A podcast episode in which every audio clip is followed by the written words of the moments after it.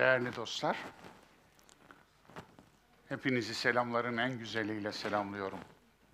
Günümüz, dünümüz ve meçhul sonumuz mübarek olsun, bereketli olsun. Kur'an'ın hayat yolculuğu dersinde yine beraberiz. 17 Nisan 2022 43. dersimiz bugün. Nice 43. derslere diyorum inşallah. Sağlık, huzur ve mutlulukla.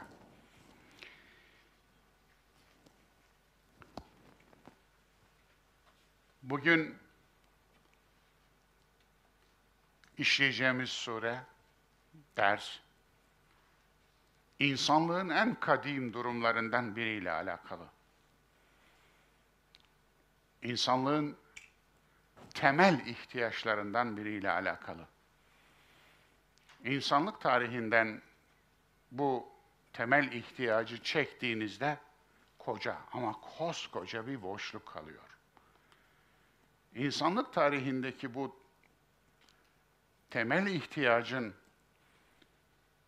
istismarları, zaafları, meziyetleri, artıları, eksileri ve daha birçok şeyleri var. Bu ticaret, ekonomi. Aranızda sanırım ben hiç ekonomiye bulaşmadım diyen herhangi biri yoktur. Daha doğmadan evvel ekonomiye bulaşıyor. Anne karnında bebeler ekonomiye bulaşıyor, öyle değil mi? Dolayısıyla ya satın alansınız ya satansınız ama çoğu kere ikisisiniz de. Mutlaka gıdanızı, ihtiyaçlarınızı, barınmanızı, giyinmenizi ve daha birçok şeyinizi bir yerden alıyorsunuz. Dolayısıyla ekonomiyle iç içesiniz. Bu bir hayat ihtiyacı. Hele hele bugün kaçınılmaz bir biçimde. Eski dünyadaki gibi takas ekonomisi işlemiyor. Mübadele yapmıyorsunuz. Yani siz ona buğday verip siz ondan mısır almıyorsunuz. Siz ona hurma verip siz ondan tuz almıyorsunuz. Siz ona üzüm verip siz ondan fındık almıyorsunuz. Anlatabiliyor muyum? Dolayısıyla ekonomi her tarafımızda. Hatta olmaması gerektiği kadar her tarafımızda. Ama ekonominin olmaması gerektiği yerler var. Mesela imanınız yani din alınıp satılmamalı değil mi? Din ekonominin konusu olmamalı. Ne yapıyorsun? Din pazarına gidiyor. Ne yapacaksın? Din alacağım. Ne yapıyorsun? İman satacağım. Kaça? Nerede belirlendi? Borsası neresi? Pazarlık yapıyorum. Neyin pazarlığını? İman pazarlığı yapıyorum. Yüzde 95 inansak da yüzde beş inanmasak olmaz mı? Yüzde 95 Allah'a inansak da yüzde beş ciddi putlarımız olsa böyle. Yani cici putlarımız. Ya bundan 1400 sene evvel Lat, Menat, Uzza varmış. Bugün onlar yok. Ama bugün bu çağın putları var. Şöyle eser miktarı aralarına şey, yapsak, serpsek olmaz mı? Bir serpme inanç yapsak. Serpme kahvaltı gibi. Bakınız, ekonominin girmemesi gereken yerler var. Pazarlığın girmemesi gereken yer. Satışın girmemesi. Adamlığımı satıyorum. Karakterimi satıyorum. Ruhumu satıyorum. Kime? Şeytana. Efendim. Onun için bir insanlık durumuyla karşı karşıyayız. Kureyş suresi homo economicus olma, homo economicus olma, insan ol dersi. Kureyş suresi homo economicus, ekonomi insanı olma, insan ol dersi. Dersimiz bu. Önce mübarek sureye bir göz atalım, bir şahit olalım, bir şahit kılalım ki Birçoğunuz bir ömür boyu namazlarınızda falan okuyorsunuz ezberlerinizde. Hepinizin de hemen hemen ezberinde olan bir sure değil mi? Le-İlafi suresi. Efendim. Ama ne diyor bu? Allah bilir kaç sefer okudunuz. Kaç yüz, hatta kaç bin kez okudunuz. Olabilir mi? Bin kez olabilir mi? Bence olur. Peki, bu kadar bin kez okuduğunuz bir sure, okurken, ya ben ne okudum arkadaş? Gerçekten şimdi ne okudum? Okudum mu daha doğrusu? Çünkü anlamadığınız bir şeyi okumamışsınızdır. Okumak anlamaktır. Dolayısıyla okudum mu? Bence okumadınız. Anlamadığınız şeyi okumadınız. Kıraat anlayarak okumaya deniliyor çünkü. Yoksa seslendirmedir. Telaffuz etmedir. O başka bir şey. Ama kıraat değil. Dolayısıyla namazınızın bir rüknü eksik. Yani bir ana taşıyıcı kolonu eksik. Kolonu kırmışsınız. Hani şu uyanıklar var ya, binanın kolonunu kırmış, galeri yapmış. İçine araba koyuyor. Oysa araba konmak için yapılmamış. Taşıyıcı kolonu kırmış, galeri yapmış. Ondan sonra ne olmuş? Bina çökmüş. Niye çökmüş? Kolonu kırmışsın. Taşıyıcı kolonu. Şimdi düşünün, namaz kılıyorsunuz, salat ediyorsunuz, ettiğinizi düşünüyorsunuz ama çöküyor. Yedi şiddetinde bir depremde çöküyor, içindekilere mezar oluyor. Ama salat destekti değil mi? Binaya verdiğimiz destek, hayata verdiğimiz destek, kendimize, aklımıza, irademize, bilincimize, şahsiyetimize verdiğimiz destekti değil mi? Bu desteklerle ayakta kalacaktı. Hayat denizinde fırtına kopunca sahili selamete bir limanımız olacaktı sığınacak. Hayat denizinde deprem baş gösterince, sallanınca, hayat bizi sallayınca ayakta tutacaktı değil mi? Kolon olacak, kiriş olacak, lento olacaktı değil mi? Olmadı. Olmadı. Niye olmadı? Çünkü değildi. Değildi. Bağlantılarını yapmamışsın. Pabucunu atmamışsın. Demirini kullanmamışsın. Kullandınsa deniz kumu kullanmışsın. Nervürlü demir kullanmamışsın. Dolayısıyla birbirine bağlamamışsın. Hafif sallandı mı yerle bir. Yani hayat seni salladı mı seni ayakta tutmuyor. Salatın. Niye? Salat değil. İşte bakınız bağlantılar çok önemli. Kirişler çok önemli. Lentolar çok önemli. Taşıyıcı kolonlar çok önemli. Onlar taşımıyor. Taşımayınca da hayat yıkılıyor. Hayat çöküyor. Hayatın getirdikleri karşısında bakıyorsunuz bizimki 2.80 yerde uzanmış. Niye? Ne oldu? Niye bu kadar çabuk feshettin?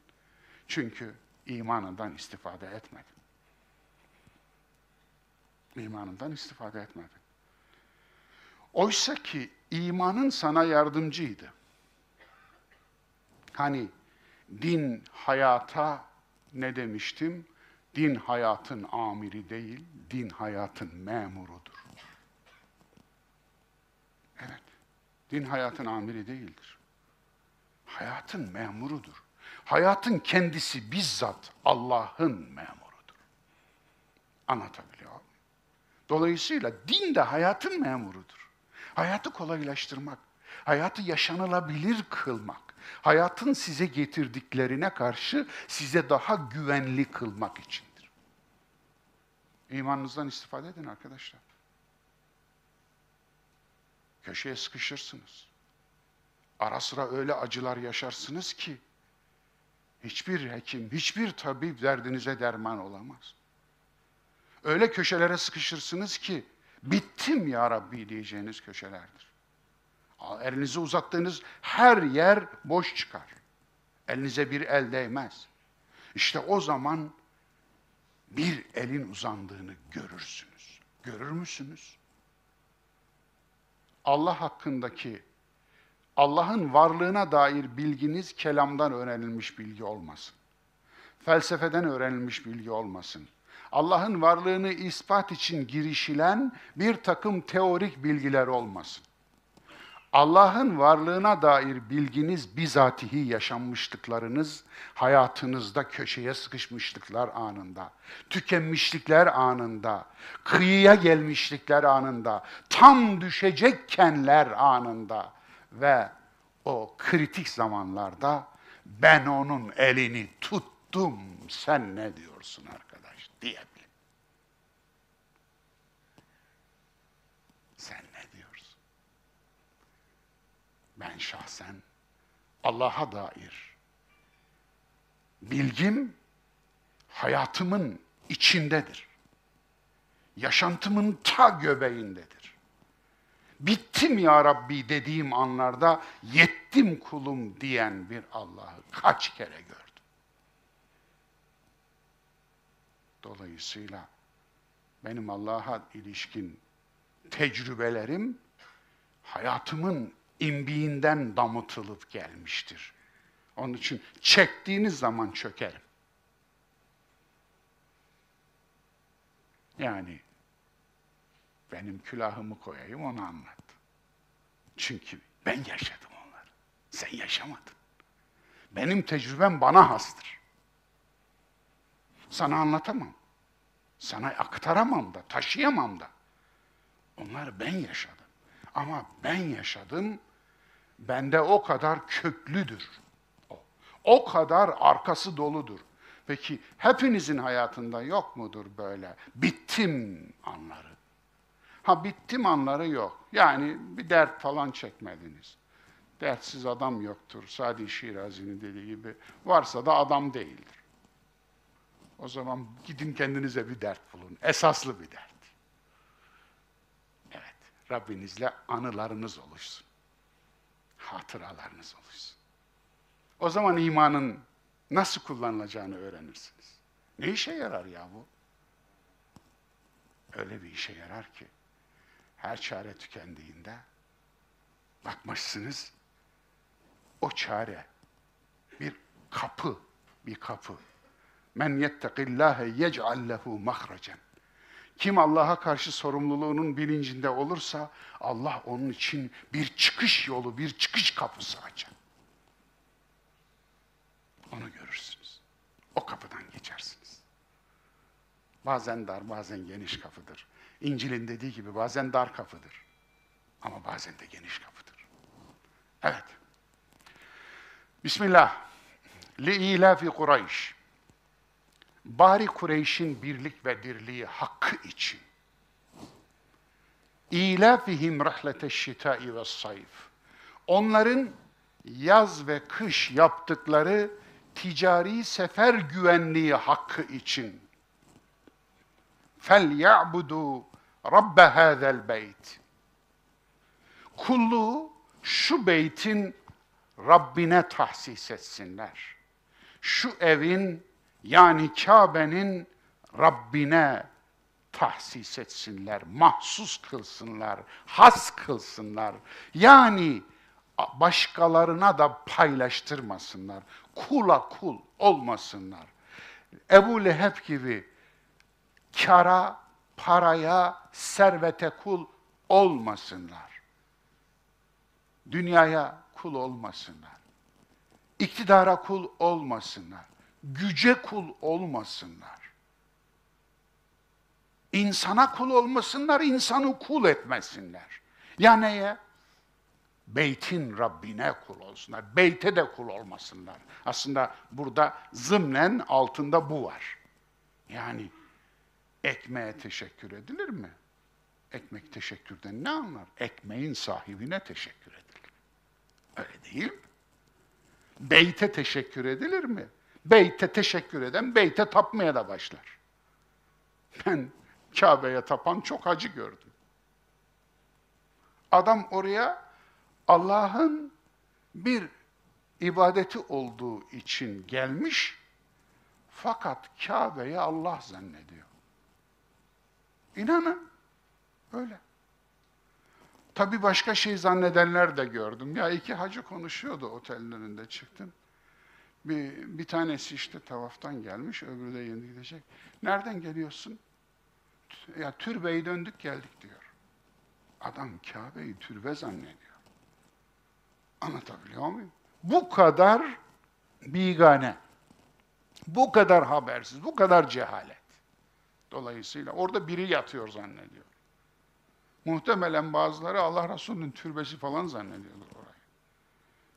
Onun için evet فَلْيَعْبُدُوا رَبَّ هَذَا الْبَيْتِ اَلَّذ۪ي اَطْعَمَهُمْ مِنْ جُوعٍ وَآمَنَهُمْ مِنْ خَوْفٍ Ki o onları açlığa rağmen doyurmuş, her tür tehlike ve tehdide rağmen de güvende kılmıştır. Evet, suremiz bu. Bu kadar. Yani çok değil. Efendim işte dört ayetlik bir sure. Ama insanlık durumuyla ilgili. Yani ekonomi ile ilgili, ticaretle ilgili bir sure. Bu kadar önemli bir şey mi ki ilk surelerde, 21. sure bakınız bu iniş sırasında. 21. sure iniş sırasında ilk dönemde, ilk aylarda inen sure demektir bu. Bu kadar önemli bir mevzu mu ekonomi? Evet bu kadar önemli. Ruhunu satanlar genelde para için yaparlar bunu. Genelde kişiliğini, şahsiyetini pazarlayanlar servet için yaparlar bunu. Ve onun için ikinci halife Ömer İbni Hattab öyle der. İnsanların namazı, orucu sizi aldatmasın. Ona bakmayın. İnsanların parayla, servetle yani altın ve gümüşle alakaları, ilişkileri ne ona bakın. Anlatabiliyor muyum? Ölçü. İnanın Kur'an nezdinde de ölçü bu. İnsanın ölçüsü hamı ve hası servetle parayla ilişkisine bakarak çıkarılır. Namazla oruçla değil. Namazına ve orucuna bakmayın. Servete, dünyalığa, iktidara, güce ki bütün bunlar gücü temsil eder. Paraya, pula ilişkisine bakın. Bununla ilişkisini nasıl kurduğundan yola çıkarak notunu ona göre verin. Paranın bozmadığı adam adamdır. Evet, adamdır. Onun için paranın bozup bozmadığını anlamak için de önce servet verip denemek lazım. Onun için de yokluğa sabretmek her kişi kârı, varlığa sabretmek er kişi kârıdır. Evet, er kişi kârı. Varlığa sabretmek. İnsan ve bir ihtiyaç olarak ticaret. Evet, ticaret bir insani ihtiyaçtır. Çok temel bir ihtiyaçtır. Çok geriden aldım, kusura bakmayın efendim. Yani ben kökünü konuşmadığım ağacın meyvesinden konuşmayı hazzetmiyorum. Hani mahallenin haşerat çocukları olur bilir misiniz? Gelirler, taşları alırlar, erikleri taşlarlar, ceplerine doldurup yerler. Yani bilgiyi elde ederken mahallenin erik hırsızı, haşerat çocukları gibi yapmayalım. Bilginin köküyle de ilgilenelim. Bilgi ağacının köküyle, saçaklarıyla, toprağıyla da ilgilenelim. Gövdesiyle de ilgilenelim ki dalındaki meyveyi yemeyi hak edelim. Öyle değil mi? Onun için kökenlere gidiyoruz. En kökte ne var? Hayatta kalma güdüsü. İnsanın iki temel güdüsü vardır. Bu insanı, tüm canlıları motive eden bu. İnsan değil tabii sadece. Yeryüzünde hayatın müddeti nedir? 4 milyar yıl. Evet. Bu dünyada hayat 4 milyar yıl önce başladı. Okyanuslarda siyanobakteri olarak başladı. Bakteri olarak başladı. Yola çıktı. Ondan öncesi kimyaya girer bakınız. Biyolojiye girmeden evvel onun taşları vardı, yapı taşları, kimya. Anlatabiliyor Onun için o kimyasal yapı taşları yaratışın bir sonucu olarak hayata dönüştü. Hayat buldu. İlk hücre. Orada müthiş bir mucize var. İlk hücre. İlk madde orada müthiş bir mucize var. Ondan evvel ne? Hiçlik. Fizik, bugünkü fizik. Big Bang'den önce ne vardı? Boşluk, hiçlik diyor. Dolayısıyla ilk madde orada bir mucize. Orada bir el var, bir el. Biz öyle inanıyoruz. Evet, onun için Allah demiştim, varlık sabitidir benim nezdimde. Ben öyle tarif ederim, böyle tanımlarım. Bu tanım da bana aittir. Varlık sabiti. Işık hızı gibi. Tıpkı. Tıpkı pi sayısı gibi. Tıpkı altın oran gibi. Tıpkı Arşimet sabiti gibi. Tıpkı Planck sabiti gibi. Yani fizikte, matematikte sabitler vardır. Niye böyledir? Niye böyledir yok ki? Pi sayısı niye öyledir yani 3,14? Niyesi olmaz ki. Yani tüm kainatta mikrodan makroya efendim bir cismin çapının çevresine oranı 3,14. Öyle mi? Öyle midir? Bu nano ölçekte de böyledir, galaksi ölçeğinde de böyle. Böyle midir? Ya hiçbir matematik okumadınız. Niye cevap vermiyorsunuz bana? Evet öyledir efendim. Dolayısıyla matematik Allah'ın dilidir. Matematik iyidir. Onun için çocuklarınıza matematiği sevdirin lütfen. Ben 50 yaşından sonra matematik çalıştım biliyor musunuz? Evet, integral çalıştım. Üçüncü denklemler, üçüncü e, dereceden denklemler çalıştım.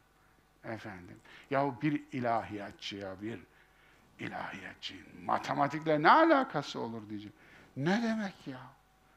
İlahiyat bunlardadır asıl. Fiziksiz metafizik olmaz. Anlatabiliyor muyum? Biyolojisiz teoloji olmaz. Jeolojisiz teoloji olmaz. Zoolojisiz teoloji olmaz. Çünkü bu kainat Allah'ın Kur'an'ıdır. Bu büyük Kur'an'ı es geçerek siz, bunu yardımcı kitaptır. Bu Kur'an yardımcı kitaptır. Ana kitap kainat Kur'an'ıdır. Ve bu Kur'an'ın ayetleri kainatı gösterir, varlığı gösterir, tabiatı gösterir. Onu okuyamıyorsan okuyamıyorsun demektir. Dolayısıyla evet hayatta kalma güdüsü en temel güdülerden biridir. İkinci güdü nedir? Soyunu sürdürme güdüsü. Motive ettiğin bir insan aktivitesidir. Ticaret, ekonomi, hayatta kalma güdüsünün motive ettiği. Hormonların dürtüsü vardır. Hayatta kalma güdüsü tamam sabit. Niye hayatta kalma güdüsüyle ticaretin ne alakası var? Efendim, ticareti çektiğiniz zaman bir bakıma hayatını çekmiş oluyorsunuz. Öyle değil mi? Gıdayı nasıl alacak? Gıda almazsa nasıl hayatta kalacak? Beslenmezse nasıl hayatta kalacak?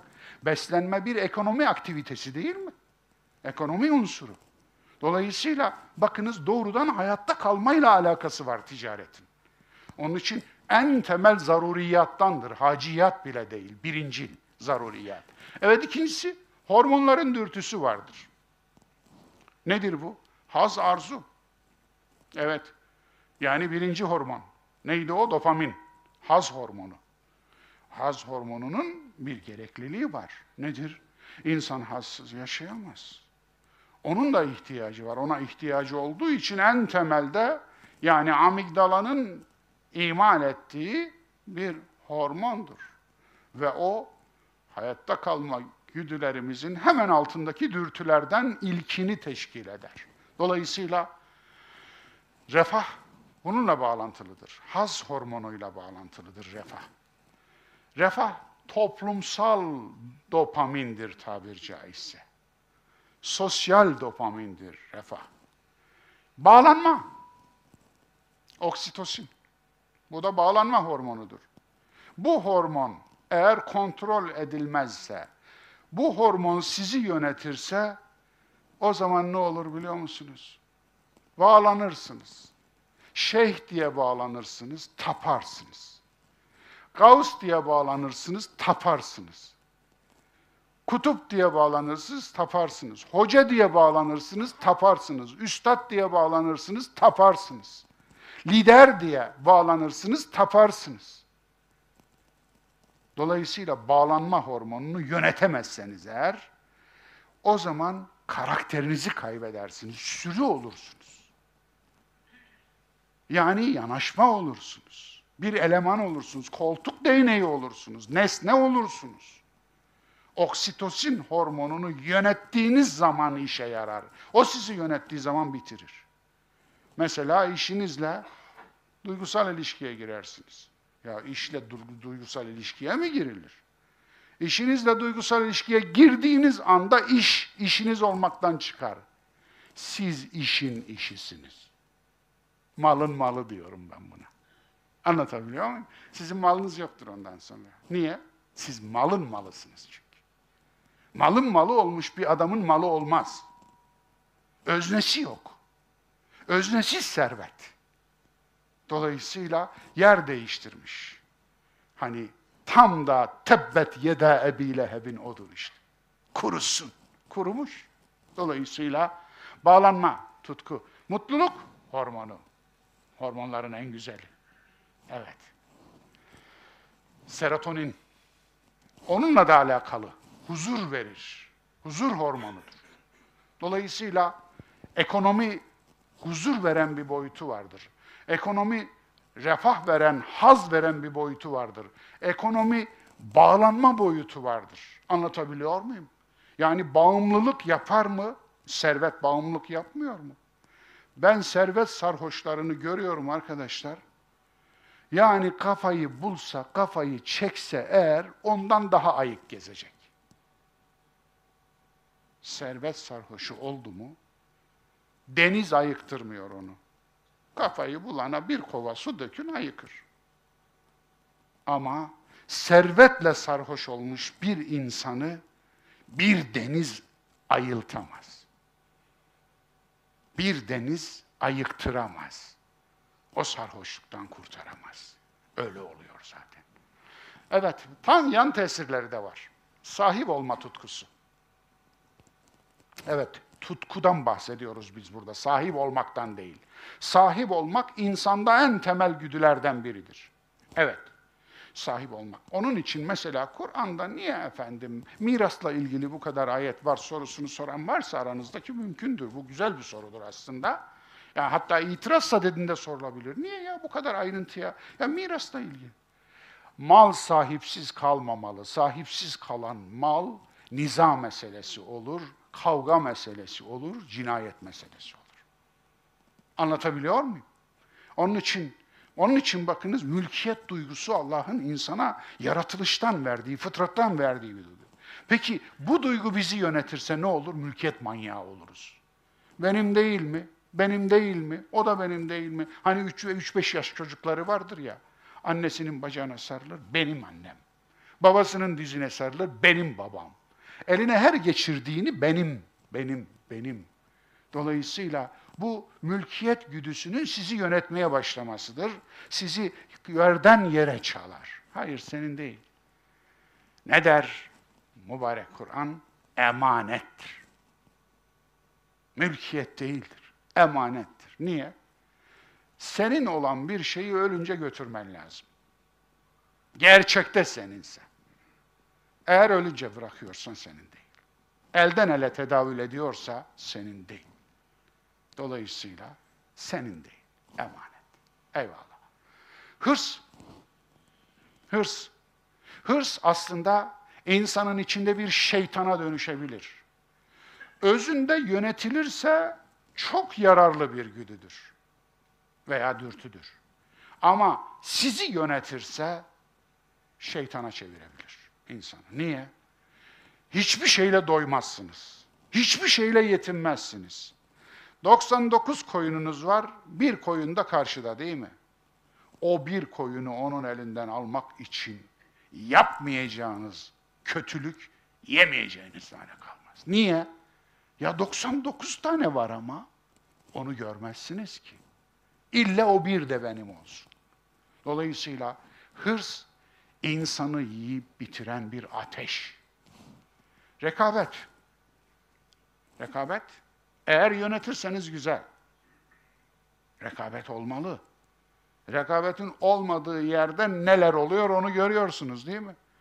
Rekabetin olmadığı yer kalitesizdir. Kalite hemen kaybolur orada. Niye? Çünkü ne koysan gidiyor arkadaş. Ne sunsan satılıyor. Bitli bakla koyuyorsunuz, baklan bitli diyen yok. Niye? Bitsiz bakla yok da pazarda onun için. Rekabetin olmadığı yerde kalite kaybolur.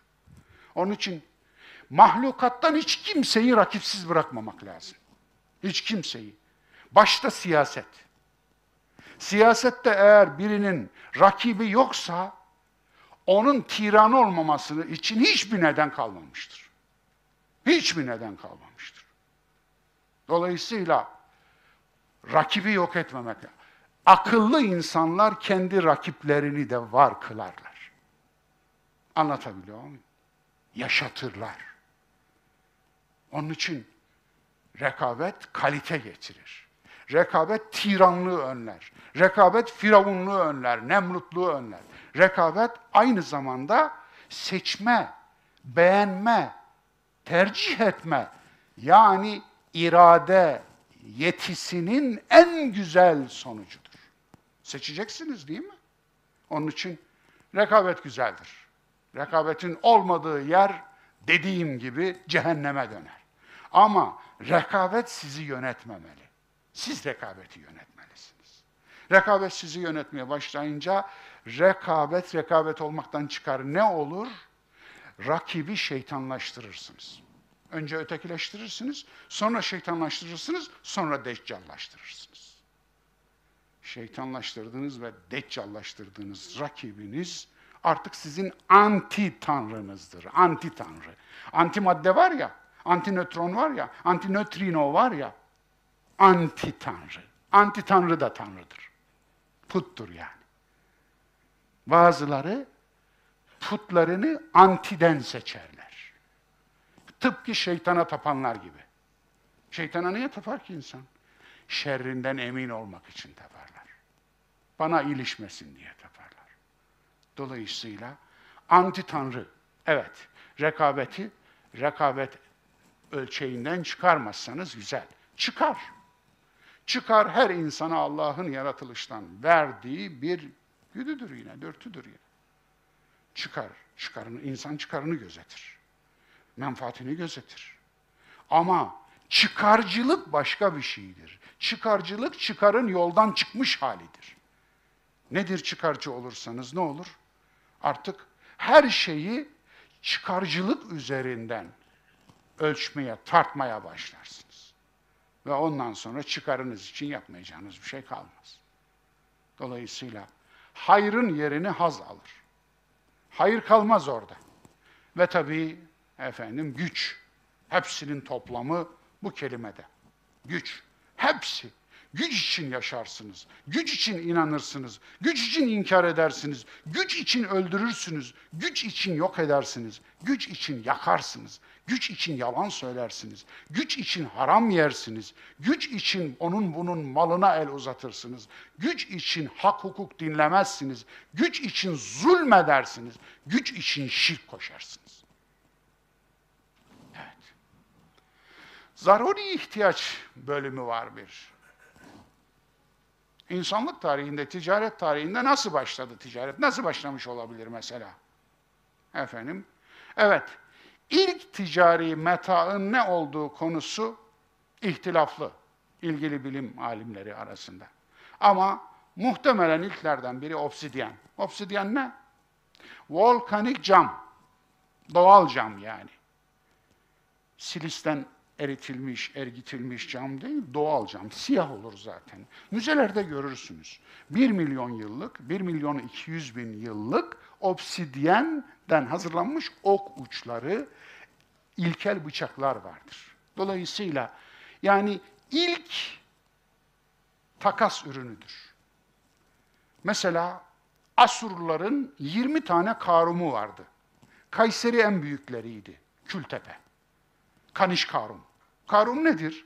o zamanın pazarı, o zamanın uluslararası pazarı. Yani bundan 5000 yıl öncesini, 4000 yıl öncesini düşünün. Neolitik dönemde işte o dönemden başlayıp daha sonraki asırlar tabii o zamanın uygarlığı değil. Efendim bundan yaklaşık 3000-4000 yıl öncesinin uygarlığı ve obsidyen pazarları kuruluyor. Nedir? Niye? Demir daha keşfedilmemiş. Demir biliyorsunuz metaller içerisinde en geç keşif. Milattan önce 1000-1200 yılları arasında keşfedildi. Ama biz milattan önce 4000 yıldan bahsediyorsak, 4500 yıldan bahsediyorsak demirden bahsedemeyiz artık. Ama demirin yerine kesici olarak kullanacağımız bir şey lazım. Delici olarak kullanacağımız bir şey lazım. Ne o? Obsidyen ve çakmak taşı. Anlatabiliyor muyum? Bunlar mübadele aracıydı. Çok değerlilerdi. Silahtı yani. O günün silahı, o günün bıçağı. Dolayısıyla ilk ihtiyaçlardan biri. Estetik için mesela nedir bu? Lacivert taşı. Mesela kıtalar arası ticaret ne zaman başlamış sorusunu sormuşlar.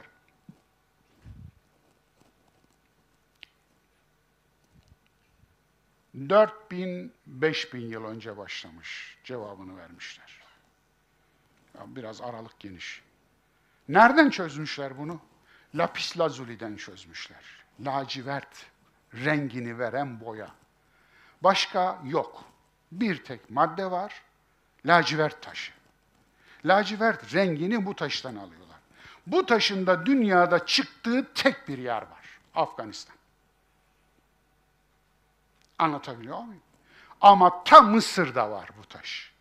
Milattan önce 3000 yılında tam Mısır'da bu taş var.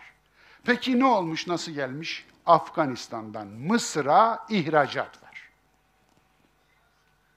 Oradan çıkarmışlar. Anlatabiliyor muyum? Onun için böyle bir estetik için hayvan dişleri, takı malzemeleri, ilkel para. Evet. Para kullanmadan evvel ilk kullanılan para neydi? Hemen tabii paranın serüvenine geçince anlatayım onu. Takas, iş gücü, hizmet, ürün mübadelesi, ticaret. Başlangıçta takasla başlamış. Dedim ya, sen bana et ver, ben sana tohum vereyim. Evet, böyle, böyle başlamış. Yani avcı toplayıcı, bir toplayıcı bir avcıyla neyi takas eder? Toplayıcı topladığı meyveyi veya tahılı verir, avcı da av, avladığı işte ceylanın, şunun bunun etinden verir. Dolayısıyla takas böyle başlamış. Dolayısıyla ürün, hizmet mübadelesi. Paranın serüveni. Önce ürün. Daha sonra nadir eşya. Daha sonra değerli metal. Mesela deniz kabuklularının kabuklarının para olarak kullanıldığı bir dönem olmuş. Yeryüzü coğrafyasında farklı farklı yerlerde para olarak, semeniye olarak Arapçası budur. Kullanılan, para yerine kullanılan şeyler var, eşyalar var.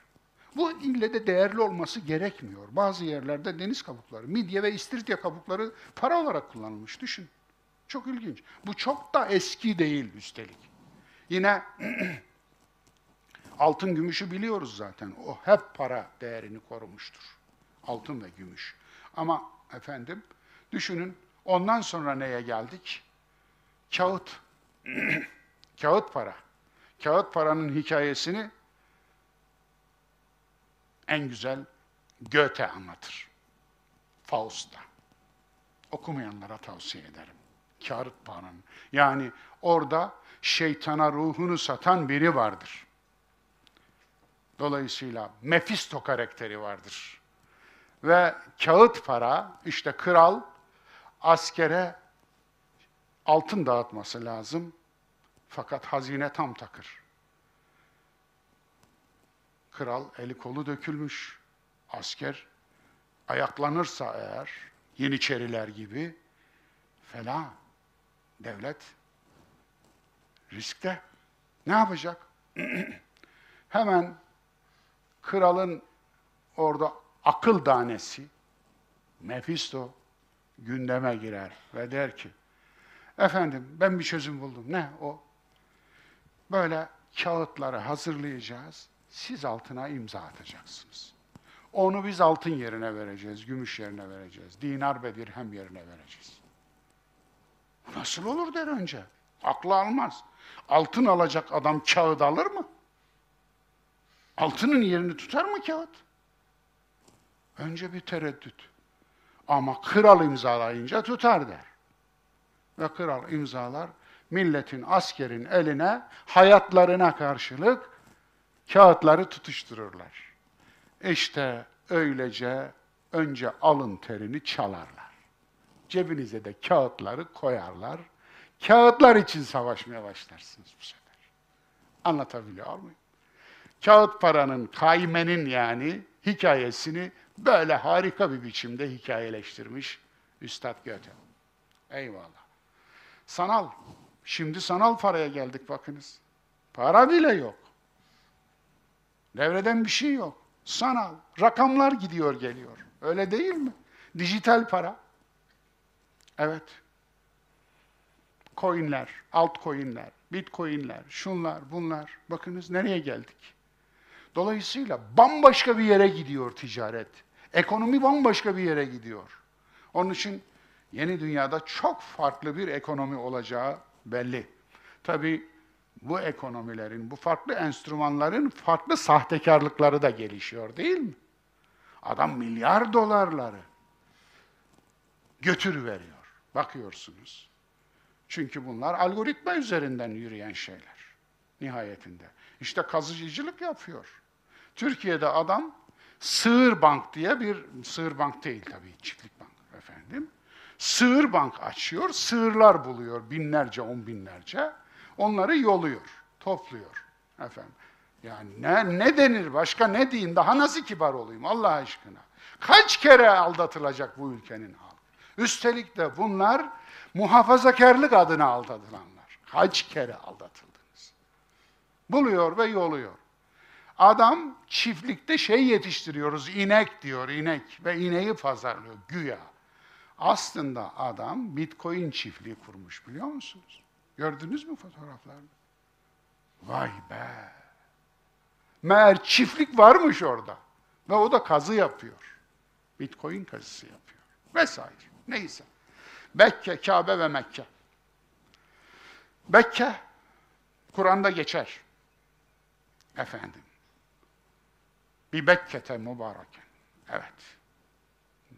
Mübarek Mekke. Yani bereketli kılınmış. Efendim. Gözyaşı diye çevrilir. Gözyaşı vadisi olarak. Başka şekilde de tercüme edenler var. Etimolojisini başka yerden getirenler var. Kabe. Özgürlük evi. Beytül Atik Kur'an'daki ifadesiyle. Özgürlükle ne alakası var diyeceksiniz.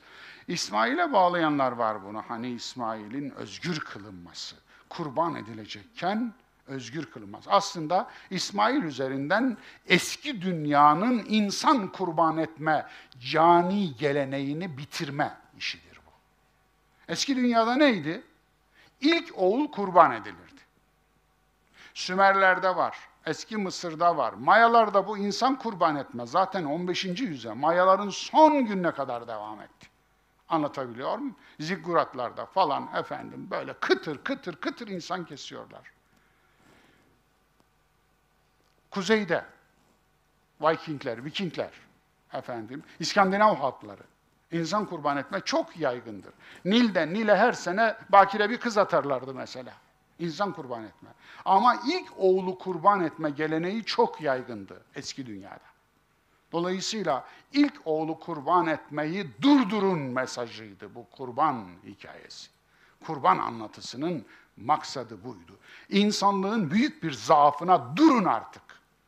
Allah insanı kurban etmeniz için yaratmadı. Evet, buydu. Kabe özgürlük evi, Beyt-i Atik. Özgürlük evi. Aynı zamanda insanı maddi bağlardan, insanı çevresel bağlardan da özgür kılan, hatta kendisinden de özgür kılan bir ev. Ev mi? Ev, evet. İnne evvele beytin linnâs. Lellezî bi Bekke'te mübareken. Bakınız Bekke ismi burada geliyor işte. Yeryüzündeki ilk ev Bekke Vadisi'ndeki insanlık için kurulan bu evdir diyor. Böyle bir ayet var. İnne evvele beytin. Beytin yani be. Belirsiz bir ev. Ev ne evi? Beytullah ifadesi Allah içinde oturduğu için ev Allah'ın evi denmemiştir. Haşa Allah bir yerde oturur mu? Allah mekana sığar mı? Allah eve sığar mı?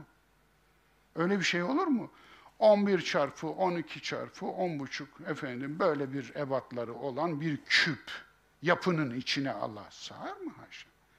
Beytullah denmesinin sebebi kamu malı olduğu içindir. Orada Allah kamuyu temsil eder. Nagatullah, Allah'ın devesi. Kamu malı deve, yani özel mülkiyet değil, devenin sahibi yoktu.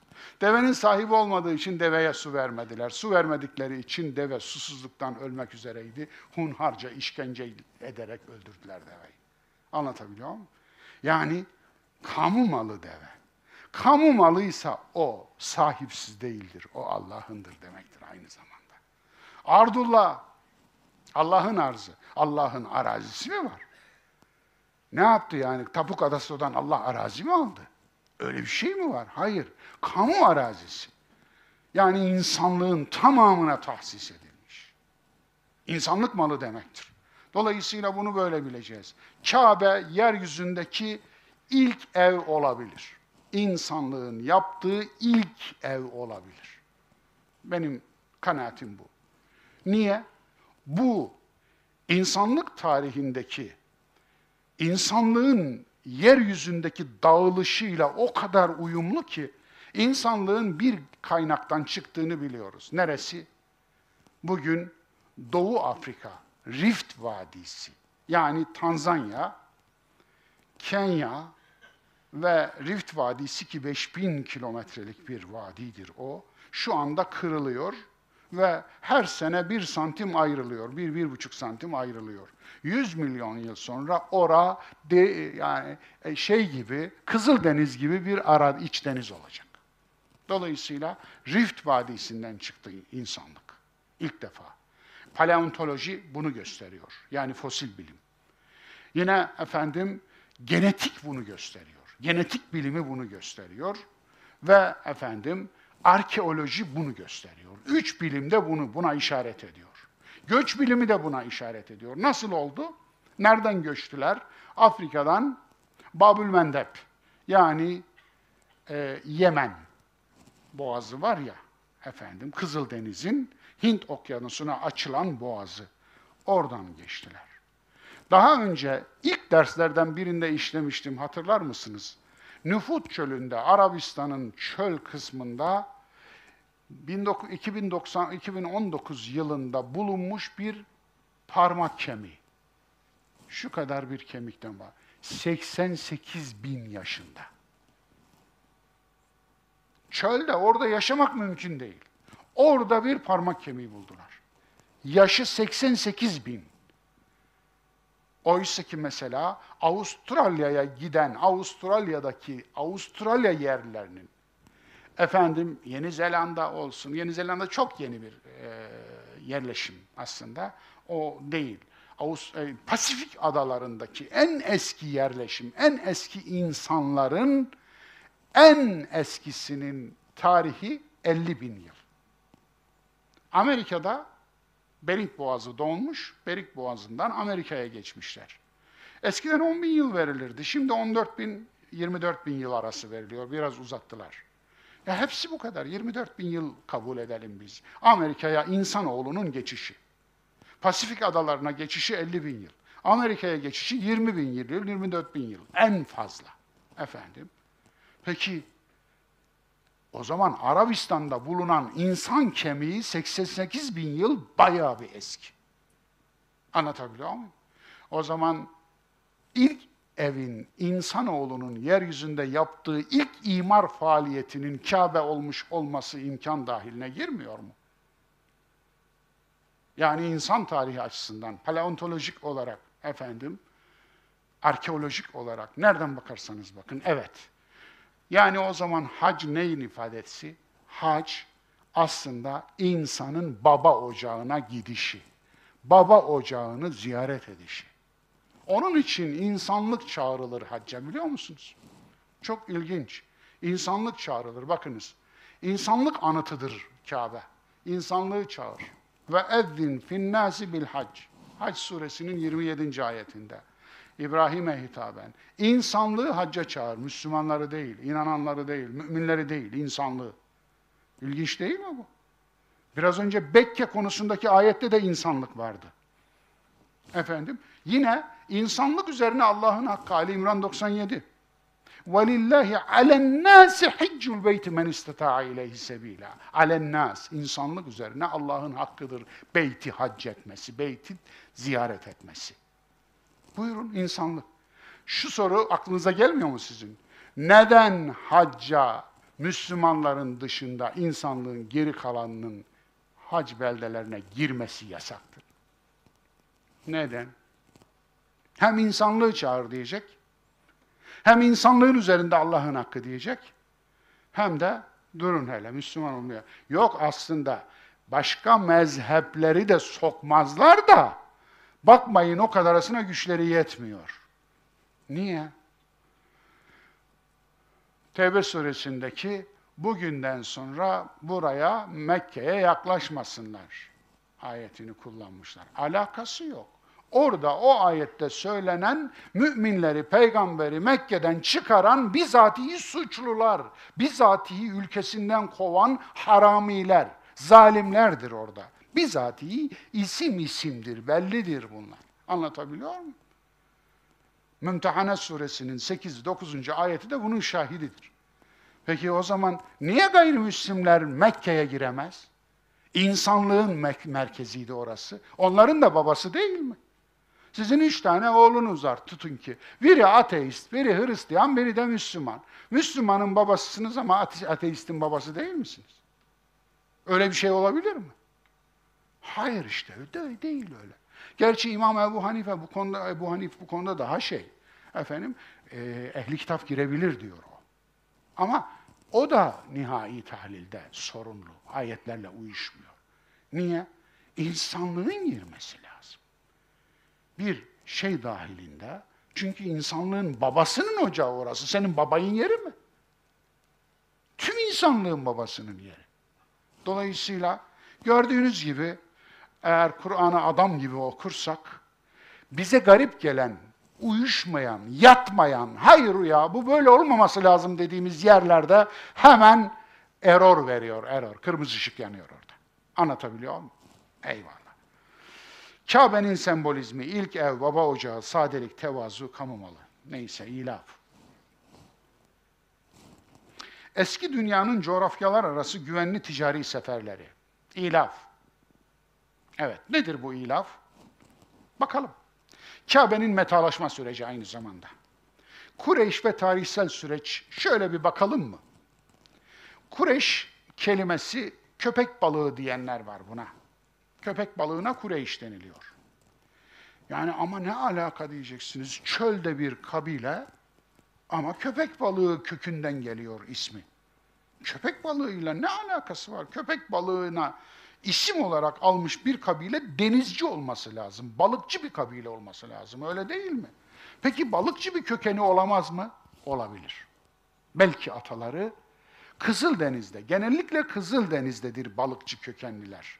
Bugünkü Katar, bugünkü Birleşik Arap Emirlikleri, bugünkü işte Irak, yani Körfez'e sakinleri. Dolayısıyla şeyde yok mu köpek balığı? Kızıldeniz'de efendim Basra Körfezi'nden bahsediyorum. Efendim Basra Körfezi'nde olması lazım. Kızıldeniz'de yok mu? Kızıldeniz'de de var köpek balıkları. Hem de meşhurdur Kızıldeniz'in köpek balıkları. Dolayısıyla deniz kenarında olması lazım. Önceleri deniz kenarındaymış da sonradan içeri çöl bölgesine gelmişler diyebiliriz. Mümkündür. Efendim. Kırş, toplama, kuruş oradan geliyor.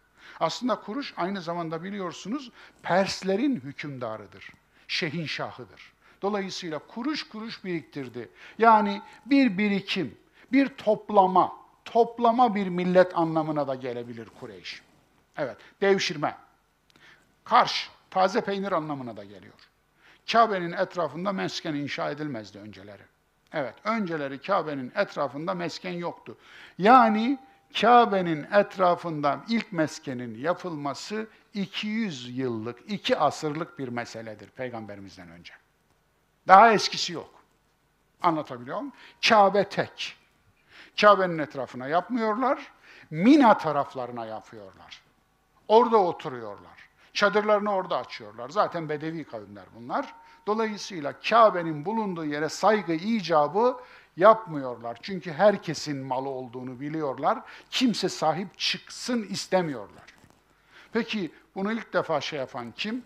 Efendim, kurucu ata Kusay bin Kilab. Kamu malı Kabe'yi özelleştiriyor. Kusay bin Kilab, köpeklerin oğlu Kusay demektir. Niye bu adamın babasına? Peygamberimizin dördüncü dedesidir. Kusay. Kilab ise beşinci dedesi. Niye köpek demişler? Adam çok zalimmiş.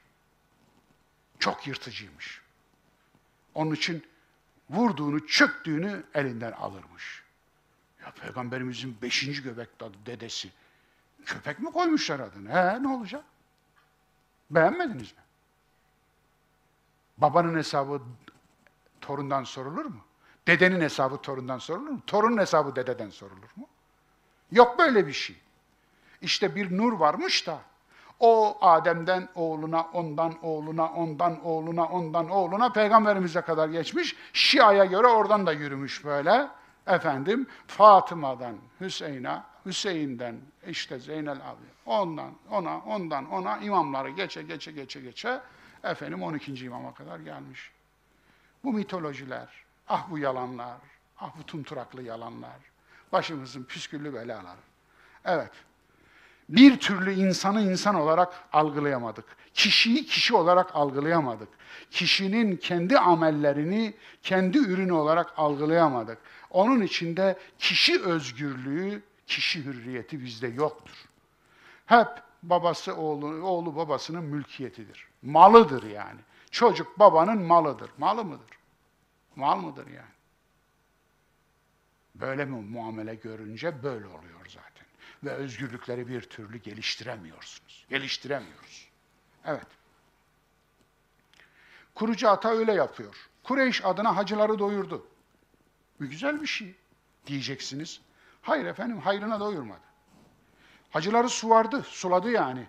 Sikaya diyorlar. İki, birincisine rifade diyorlar. Bu güzel bir şey. Evet, görünürde güzel bir şey. Ama hayrına yapmıyor bunu. Ne için? Kabe'yi özelleştirmek için yapıyor. Kabe'ye sahip çıkmak, daha önceki kabilenin elinden almak için yapıyor bunu. Dolayısıyla Kabe'yi alıyor böylece. Kabe'ye yüksek eşik yaptı. Kabe'nin İbrahim peygamber Kabe'sinde eşik yani o hani asıldığınız, dua ettiğiniz eşik var ya, orada değildi, yerle birdi, hem zemindi. O hem zemindi. Kabe'nin bir de arka kapısı vardı. İbadet içinde yapılırdı. Anlatabiliyor muyum? Arka kapısının hala kapı yeri bellidir. Şöyle gidince bakın arkadan, orada bir kapıyı doldurmuşlardır. Anlatabiliyor muyum? Aslı öyle olduğu için öyle koymuşlar. Yoksa çok yıkıldı yapıldı Kabe. Yani bir kapı, yüksek kapı yapıyor yüksek. Çıkış kapısını kapatıyor. Kilitli kapı ve örtü icat ediyor. Hicabe. Evet. Kusay, Safa Merve arasındaki bütün putları Kabe'nin içine taşıyor. Kabe'nin içine putları alınca Kabe'nin içinde ibadet edilemez oluyor. Anlatabiliyor muyum? Yani putlarımız girsin, biz çıkalım. Dolayısıyla putlar hepsi içeri. Niye içeri?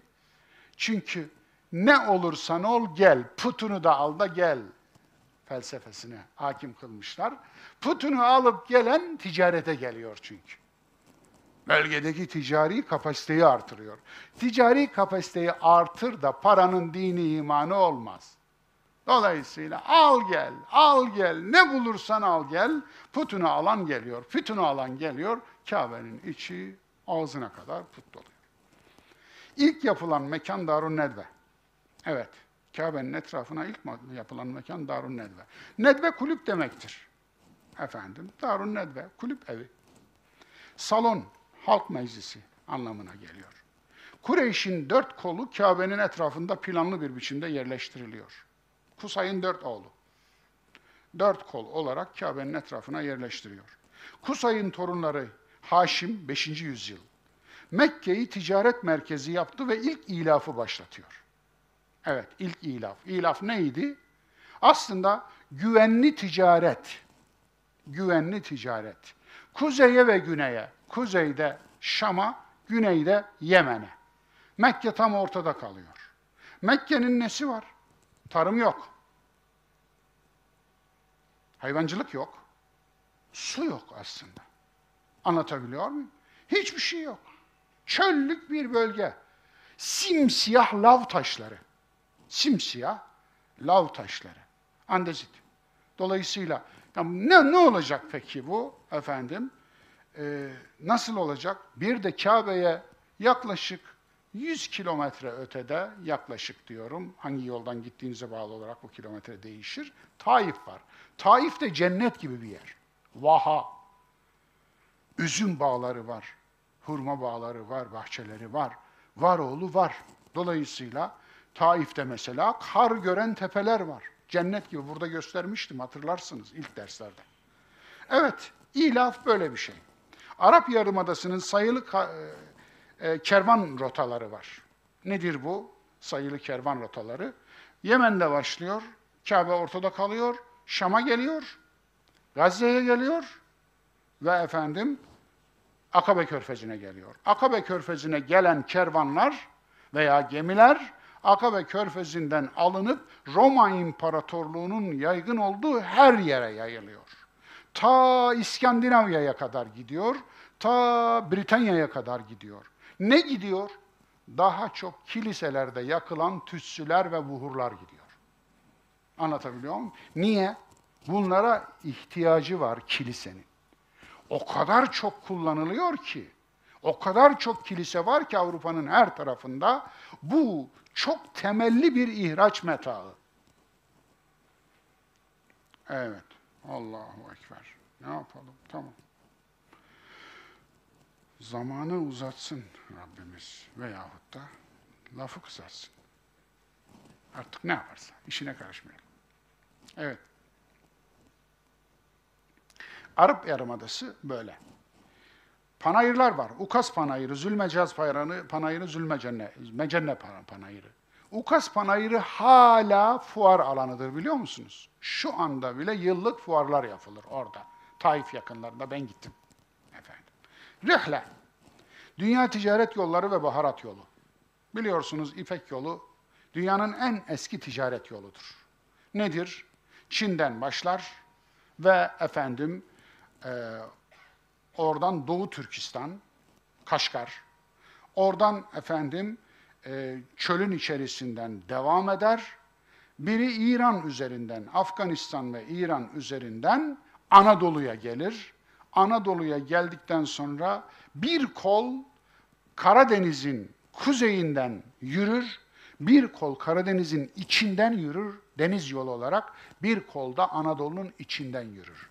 Mesela bizim Kayseri İpek yolunun üzerindedir. Hala İpek yolunun bir devamı olarak kervansaraylar, ayakta duran kervansaraylar var. Niğde mesela İpek yolunun üzerindedir. Aksaray İpek yolunun üzerindedir. O Aksaray şeyi de oradan gelir zaten. İpek yolunun üzerindedir. Dolayısıyla ne olur? Avrupa'ya mal taşınır buradan. Avrupa'ya ipek taşınır, kumaş taşınır. Efendim özellikle envai çeşit baharat taşınır. Hint baharatları, değerli taşlar ve yarı taşlar, yarı değerli taşlar taşınır. Tabii ki silahlar taşınır. İlk, ilk, ilk barut da oradan gelmişti, ilk efendim tüfek de oradan gelmişti, ilk pusula oradan gelmişti, ilk kağıt oradan gelmişti. Unutmayın efendim tabii suçlular taşınır, günahlar taşınır, efendim fahişeler taşınır, caniler, katiller taşınır, tabii mikroplar taşınır, virüsler taşınır. Aman neler taşınmaz ki. Dolayısıyla yol her şeyi taşır. Aynı zamanda aşağıda baharat yolu. O da İpek yolunun bir devamıdır. Hint okyanusundan ne yapar? Gelir gemiler. Karayoluyla da vardır. Efendim sahili, Hadramavut sahilini izler. Sana'ya gelir, Yemen'e gelir. Yemen'den yukarı doğru çıkar. Mekke'de bir mola verir. Mekke Tamamen çıplak bir bölge ama Kabe'nin hatırına bölgede müthiş bir ticari potansiyel oluşmuş. Evet, Kabe'nin varlığı orayı ticari bir merkeze dönüştürmüş. Yani haşa benzetmek gibi olmasın. Las Vegas biliyorsunuz 20. yüzyılın ortasında yapılmış, çölün ortasına yapılmış bir şehirdir. Evet, çöldür Las Vegas. Ama çölün ortasına bir kumar merkezi yaptılar. Anlatabiliyor muyum? Gelen gelmeyen belli olsun. Ve Las Vegas şimdi emekliler şehridir mesela. Vergisi çok az olduğu için vergi vermek istemeyenler oraya giderler. Dolayısıyla ama oraya ışıltılı kumar makineleri koyunca, günah sektörünü koyunca çölün ortasını canlandırıverdiler. Buraya da put sektörü koydular. Ve çölün ortasını canlandırdılar. Dolayısıyla e, ilaf geleneği Mekke ticari merkeze dönüşüyor. Yemen ile Gazze, Akabe, Şam güzergahı oluşuyor. Hristiyan dünyasındaki tüm kilisede buhur tütsü, işlenmiş deri karşılığında silah, kapkacak ve baharat. Şu beytin Rabbine kulluk edin. Evet, فَلْيَعْبُدُوا رَبَّ هَذَا الْبَيْتِ Kabe'nin istismarı ya da değerin fiyata dönüştürülmesini burada görüyoruz işte. Nasıl bu? Kabe istismarı. Kabe satılır mı? Kabe pazarlanır mı? Kabe'nin pazarlandığının o günden bugüne en tipik örneği Zemzem Towers'tır. Gördünüz değil mi o heyulayı? Böyle. Efendim. Kabe'yi kim takar ya? Kim takar Kabe'yi? Tepeden bakacaksın efendim. Anlatabiliyor muyum? Tepeden bakacaksın. Beş yıldızlı, yedi yıldızlı otelde efendim keyfine bakarken VIP hacı olacaksın. Nasıl bir duygu? Hacım senin, haccın müthiş. Senin haccın aslında doların gücü, doların gücüne yemin olsun diyerek yapılan bir hac. Dolayısıyla böyle aynı mantık aslında. Aynı mantık. Evet. Ekmek arası köfte ya da kar arası Kabe demişim. Yanmaz kefenin ve okunmuş Yasin'in aslı orada. Tamam mı? Yanmaz kefeni siz cukkalı icat etti zannetmeyin. Yanmaz kefen ta oradan beri geliyor. Ta oradan beri geliyor. Beytin Rabbi sayesinde zengin ol, kula kulluk sistemini kur. Nasıl bir şey bu?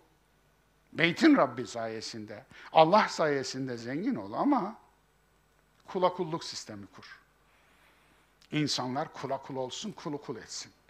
Tebbet suresi bağlantısı var bir. Rabbe sırt dön, mala ve kazanca tap. Bir önceki sureye gidelim. Rabbe sırt dön, mala ve kazanca tap. Yani Ebu Lehebleş. Beyte tapma, beytin Rabbine tap. Aracı amaç edinme diyor sure. Aracı amaç edinme. Özgürlük ülkesi, tevhid ve yalnız sana kulluk ederiz bağlantısı var burada. İyyâke na'budu ve iyyâke nesta'in. Yalnız sana kulluk eder. Ve yalnız senden yardım dileriz. Değil mi? O var. O bağlantı var. Evet o onları açken doyurandır. Son ayet bu. Açlardı ya. Evet. Ellezî et'amehum. O onları açken doyurandır. Açlardı. Mekke çölde bir vaha bile değil. Yüz kilometre ötede cennet gibi Taif vahası varken Mekke kiminiz? Metafiziğin çekim gücü fizikten daha fazla fark ettiniz mi? Yani metafiziğin, fizik ötesinin çekim gücü fizikten daha fazla. Taif'te güzellik var, yeşillik var, orman var, bağ var, bahçe var ama Mekke'de Kabe var. Kabe çekiyor. Bu da ilginç. Bu da bir vaka. Kabe çekiyor. İnsan kibrine ve gururuna karşı önlem. Onları o doyurdu. Ne demek? Evet. Yani. Ellezî et'amehum. Et'amehum. Onları o doyurdu. Evet, bu aslında ne demek biliyor musunuz? Şu demek. Size dokunan iyiliği Allah'a nispet edin. Nedir bu? Bu sizi daha ahlaklı yapar. Bu sizi daha ahlaklı yapar. Bu Allah'tan bağımsız olarak ahlaklı yapar. Niye? Eğer siz kendinize nispet ederseniz gurura kapılırsınız. Gurura kapılırsınız, gurur kibir getirir. Kibir gelince de siz kendinizi tanrılaştırırsınız ve başınıza bela olursunuz. İmkan sizin için belaya dönüşür. Dolayısıyla o doyurdu dediğinizde işte bunlardan korunursunuz. Bunlardan sakınırsınız. Bir önlem almış olursunuz. Yani nimeti Allah'a nispet bir önlemdir. İnsanın kendi kendisine vereceği zararı engellemek için bir önlem. Evet. Ve korkudan kurtarıp güvene ulaştırandır. اَلَّذ۪ي اَتْعَمَهُمْ مِنْ جُعٍ وَآمَنَهُمْ مِنْ خَوْفٍ Mekan ve zamanı güvenlik garantisine alma, haram harem ilan etme. Eyvallah. Yani mekan ve zamanı güvenlik garantisine alma ne demek? Harem ilan ediyor. Mescid-i haram diyoruz değil mi? Haram. Aslında ne demek? Hürmetli demek. Hürmet de oradan geliyor. Hürme. Yani saygıdeğer. Nedir o? Orada kan dökülmez. Orada savaş yapılmaz. Düşmanını orada bulsa, babasının katilini orada bulsa dokunamaz. Orada otu kesemez, sökemez, yolamaz, ağacı kesemez, hayvanı öldüremez. O kadar emin bir belde ki oranın kuşları da emin, kurtları da emin, taşları da emin, toprakları da emin. Evet. Yani doğal sit alanının en korunmuşu. En korunmuş sit alanı. Düşünün. Harem bu demek. Dolayısıyla Taif teslim olacaktı. Allah Resulü Taif'in teslim olmasını istediğinde Taifliler bir şartname hazırladılar. Dokuz maddelik falan olacak yanlış hatırlamıyorsam. Birinci maddesinde şöyle bir şey var. Efendim, putlarımıza dokunma. Biliyorsunuz üç büyük puttan biri Taif'teydi. Ben putları yıkmak için gönderildim dedi Resulullah. O maddeyi yırttı. Kabul etmedi. Maddeler içinde şöyle bir madde var. Taif'i harem ilan et. Allah Resulü hayır demedi biliyor musunuz? Sit alanı ilan edecek. Yani o yeşil Taif kaybolmasın. Yeşil Taif korunsun. O bağlar, o hurma bahçeleri, o güzellikler korunsun. Ve evet dedi buna. E, gidip de millet Taif'i de hac etmedi yani. Anlatabiliyor muyum? Bakınız yani. Maksada mebni olunca nasıl seçilip ayrılıyor bu anlamda? Demek ki yani şart vardır kabul edilir, şart vardır kabul edilmez. Yani buna birileri reel politik diyebilir ama ben hikmet demeyi tercih ediyorum. Eyvallah. Mekkelileri fil olayından istifadeyle ehlullah ilan etme, bu uyanıklıktı tabii. Fil olayından, durumdan vazife çıkarıyorlar. Ne? Ehlullahız biz. Yani Allah'ın ehliyiz. Niye? Baksana fil ordusuna Rabbin ne yaptı? Peki ehlullahsınız da ne yaptınız? Mekkelileri haremi korumalı, yabancıları hilli ilan etme geldi arkasından. Bu ne demek biliyor musunuz? Haremi olanlar, Mekkeliler, Kabe'yi üstündeki elbiseleriyle tavaf edebilir. Fakat hilli olanlar, yani ne yaparsanız her şeye e, efendim açık, korumasız olanlar Kabe'ye geldiler mi üstündeki elbiseler günahlı elbiselerdir. Onları atacaklar. Mekkelilerden elbise kiralayacaklar. Alın size kiralama sektörü. Elbise kiralama sektörü. Anlatabiliyor muyum? Haccı paraya tahvil etme. Haccı bir efendim sektöre dönüştürme. Dolayısıyla kiralama sektörü. Tabii garibanlar kiralayamıyordu. Parası olmayanlar kiralayamıyordu. Çırılçıplak hac etme zorunda bıraktılar onları. E, bir ellerini önlerine, bir ellerini arkalarına alarak hac ettiklerini kaydeder kaynaklar. Şimdi işe bakar mısınız? Manzaraya bakar mısınız? Böyle bir manzarayı düşünsenize. Efendim Kabe'nin etrafında.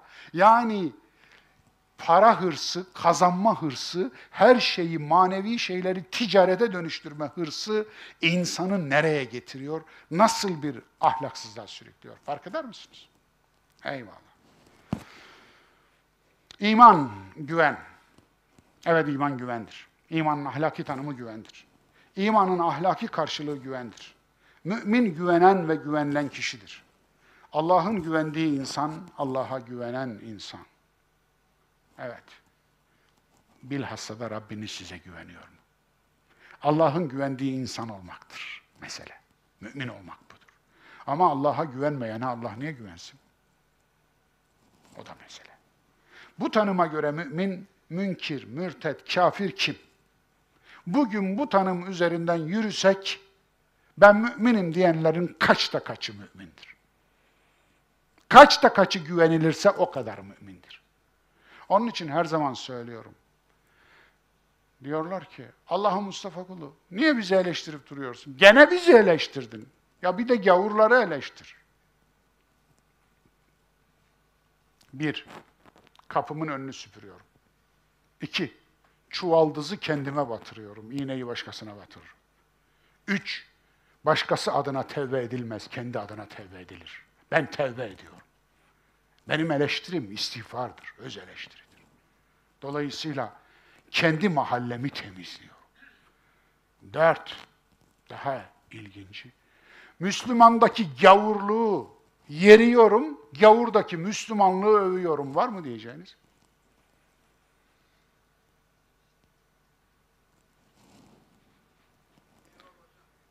Eyvallah.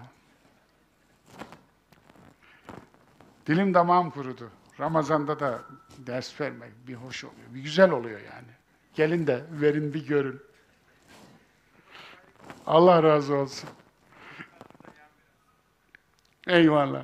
En, en, en güzeli bu. En kolayı bu. En kolayı bu inanın. Müslüman şart toplumlarının güven endeksi kaç? Güven endeksi tutsak dünyada. Çok ilginç. Bundan 4-5 sene evvel bir güven endeksi araştırması yapılmıştı dünya çapında. Ve Türkiye'de de yapıldı, İsveç'te de yapıldı. İsveç'te sorulan soru şu, Türkiye'de de sorulan soru. Aynı soru zaten. Soru şu, İnsanoğlunu güvenilir buluyor musunuz? İsveç'te evet güvenilir diyenler yüzde 87, Türkiye'de güvenilmez diyenler yüzde 87. Nasıl buldunuz? Evet, hiç hiç kaçmaz. Doğru söylemişler çünkü kendileri güvenilmez. Kişi kendinden bilir işi değil mi? Eyvallah. Eyvallah. Ekonomi adamı, homo economicus. Her değeri metalaştıran tip. Değerler ve fiyatlar üzerine konuşacak çok söz var. Bir tarafta değerler var, bir tarafta fiyatlar var. Fiyatı olan alınıp satılır. Değer alınamaz ve satılamaz. Ahlak bir değerdir. Ekmek bir fiyattır. Anlatabiliyor muyum? Elbise bir fiyattır. Ama takva bir değerdir. Öyle midir? Takva elbisesi diyen bir ayet gördünüz mü ne görürsünüz? Orada fiyat görmezsiniz. Değer görürsünüz. Evet. Libasu takva hayrun. En hayırlı elbise takva elbisesidir diyen bir ayet var. Biliyor musunuz? Evet. Yani niye başını kapatıp geri her tarafını açanlar görüyorsunuz? Süslümanları görüyorsunuz. İşte ondan dolayı. Takva elbisesinden haberi yok. Yani takva bakımından çırılçıplak. Ama peçesi bile var. Göstereceğim, geleceğiz.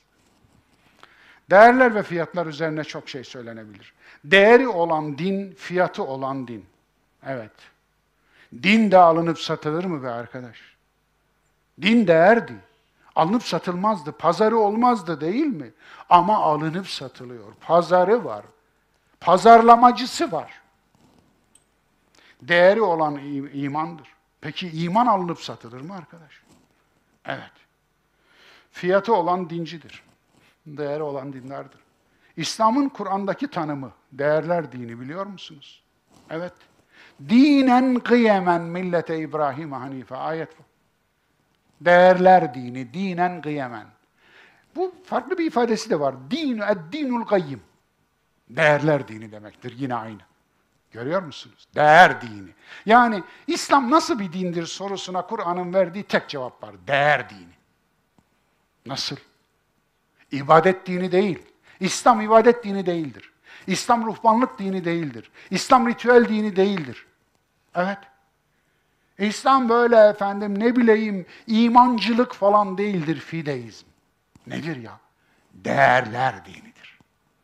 İnsanlık bir değerdir. Ahlak bir değerdir. Adalet bin değerdir. Vicdan bin değerdir. Sayın gitsin.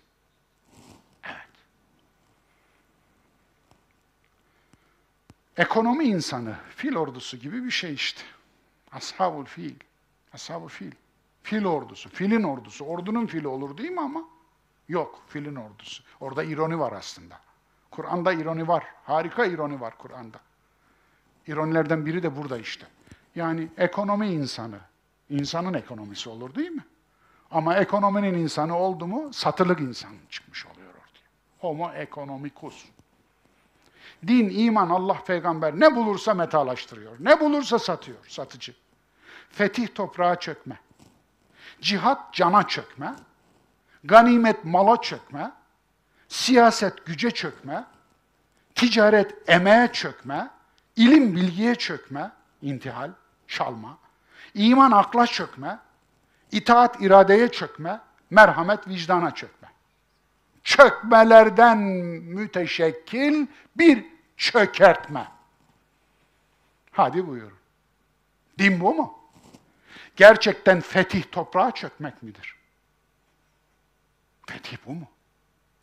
Gidin Fetih suresini okuyun, ne zaman nazil olduğuna bir bakın. Fetih ne olduğunu görün. Gerçekten cihat cana çökmek mi?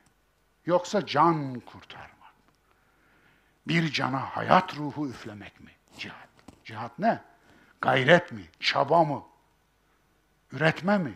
Değer üretme mi? Ganimet mala çökme mi? Ganimeti daha önceki derste izah ettim değil mi? Allah Resulü dedim, bana söyleyin. Allah Resulü yendiği düşmanın gidip de malına çökmüş mü? Bir tane örnek istiyorum dedim. Öyle değil mi? Sadece savaşı finanse eden savaş meydanındaki kaynakları el konmuştur. Bugün de uluslararası hukuk aynen böyledir. Anlatabiliyor muyum? Evet. İlim bilgiye çökmemdir. İman akla çökmemidir. Yani aklını eğdir, aklını mahvet, aklının üstünde tepin. Biz akılla cennete giremeyiz de akla çök iman adına. O iman mıdır? O imansızlıktır. Akıl yoksa iman yoktur zaten. Niye? La akle lehu ve la dine. Aklı olmayanın dini yoktur da ondan. Evet. İtaat iradeye çökmek midir? Bir insanı iradesiz bırakmak mıdır itaat? Eğer öyleyse o itaatin Allah belasını versin. Evet. Kur'an'ın ekonomik kırmızı çizgileri. Kur'an'ın. Tutkuyla biriktirme diyor Kur'an. Şehvetle mal yığma diyor. Ekonomik çizgileri bakınız. Ekonomik kırmızı çizgileri. Ve tuhibbunel mâle hubben cemma. Üst üste yığmayı çok seviyorsunuz. Kella. Ne olur böyle yapmayın. Arkadaşlar, Allah'ınızın aşkına. Allah yığmayı sevmiyor. Ne olur buna inanın. Evet. İzâ dukketil ardu dekka. Bir sallanırsa eğer çatır çatır yıkılır diyor. 45 senede biriktirir, 45 saniyede yerle bir eder. Evet. Gördük bunu değil mi 99 depreminde? Karun prototipi, kibirli, şımarık, görgüsüz, hasis. Seri Ebu Leheb imalatı yapan toplumlar var. İlk yüzde en fakir ülkelerin en zengin yöneticileri bizde iyi mi? Nasıl buluyorsunuz? Evet. Top 100 var. Forbes listesi biliyorsunuz. İlk yüzde en fakir ülkelerin ilk yüzünde en zengin yöneticiler. Ne diyeyim şimdi? Harun pozu kesip karunlaşmayın. Her Musa'nın bir Harun'u, her Firavun'un bir Karun'u olur. Her Karun er geç servetiyle yere geçer. Kur'an'daki Karun anlatısının verdiği ders bu. İran, Libya, Irak, Sudan, Malezya örneklerine bakar mısınız? Ayrıntılarını teker teker söylerdim burada. 600 milyon dolarla evinin altına yaptırdığı para efendim hazinesiyle yakalanan hırsızlarımızı hatırlayın. Evet, geçiyorum. Rantçılık, tatfif. Veylül mutaffifif. Mutaffifin suresini hatırlıyor musunuz? Tatfif ne demek? Rantçılık demek biliyor musunuz? Evet. Tatfif yani mutaffifin rantçılar demek. Rantçılara yazıklar olsun diye bir sureniz var, bir ayetiniz var biliyor musunuz? Eyvallah. Veylül lil mutaffifin. Rantçılara yazıklar olsun. Üretimsiz, emeksiz ve risksiz, risksiz servet edinmeye rantçılık diyoruz. Üretimsiz, emeksiz ve risksiz servet edinme. Üretim yok. Emek yok. Risk yok. Ve servet ediniyorsun. Ne var peki? O zaman sen arkadaş hak etmeden biriktiriyorsun. Hakkın olmayan şeyi alıyorsun. Evet. Bir koyup bin alma hastalığı. Üretim ve emeğin yerine spekülasyon ve manipülasyonu koymak. Bir koyup bin alma hastalığı budur. Spekülasyonu koyuyorsun, manipülasyonu koyuyorsun. Spekülasyon ve manipülasyonla kazanıyorsun. Üretim yok, emek yok, risk yok ama spekülasyon var, manipülasyon var. Nerelerde var? Onu da siz te tespit edin efendim. Din adamı, din, iman, tanrı, ibadet satma. Kırmızı çizgilerden biri daha. Evet. Din adamı diyor. Dinin adamı olmaz aslında. Her mümin dinin adamıdır. İslam'da ruhbanlık yoktur. Onun için din adamı sınıfı da yoktur.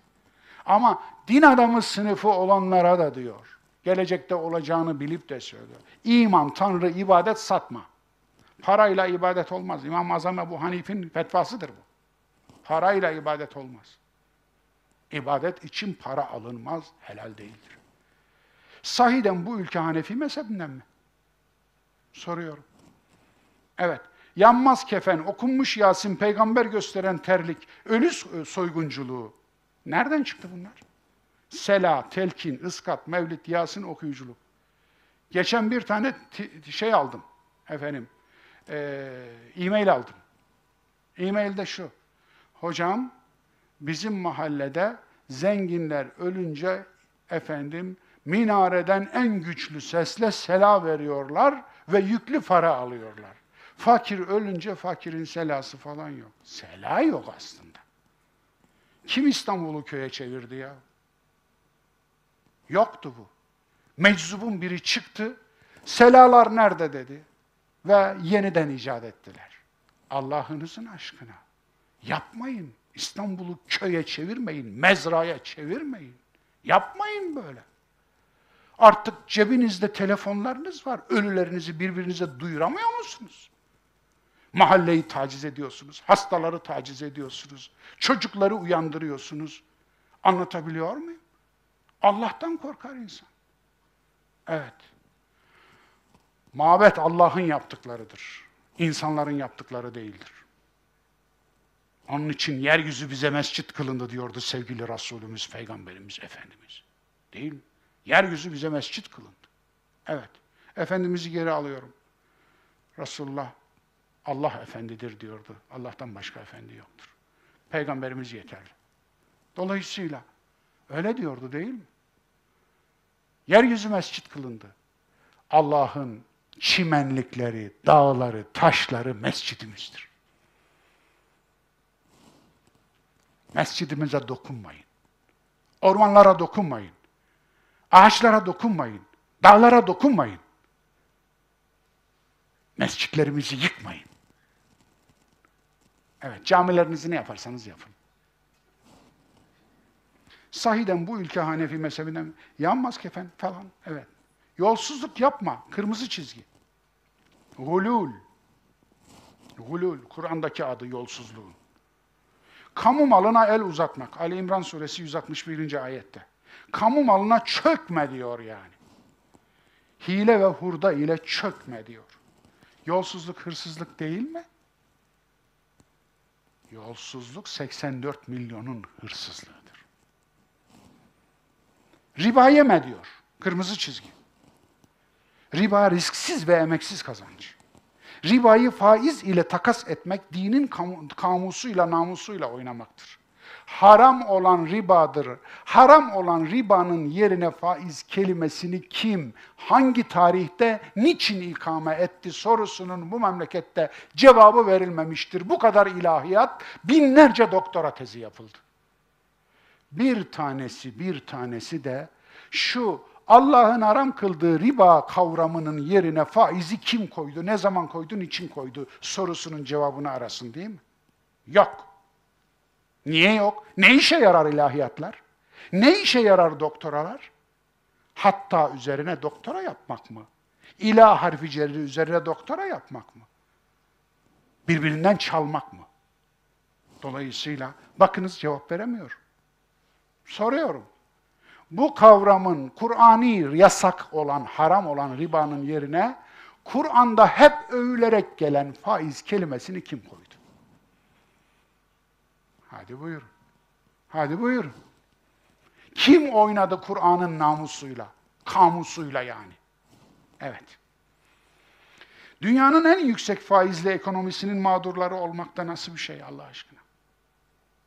Adını değiştirince tadı da mı değişiyor? Adını değiştirince tadı değişmiyor. İslami ekonomi, İslami sinema, İslam devleti, İslami bilim vesaire vesaire vesaire aman durun. Aman yapmayın ne olur. Bir şeyin başına İslamilik getirince, İslami kelimesi koyunca o İslami olmuyor. İslam devleti. Ha? Öyle mi yani? Adını İslam devleti koyunca İslam devleti mi oluyor? Böyle mi düşünüyorsunuz? İslam ekonomisi koyuyorsunuz, İslam ekonomisi oluveriyor. Ha? Japonya eksi faizle gavur ekonomisi oluyor. Sizinki dünyanın en yüksek faiziyle İslam ekonomisi olacak öyle mi?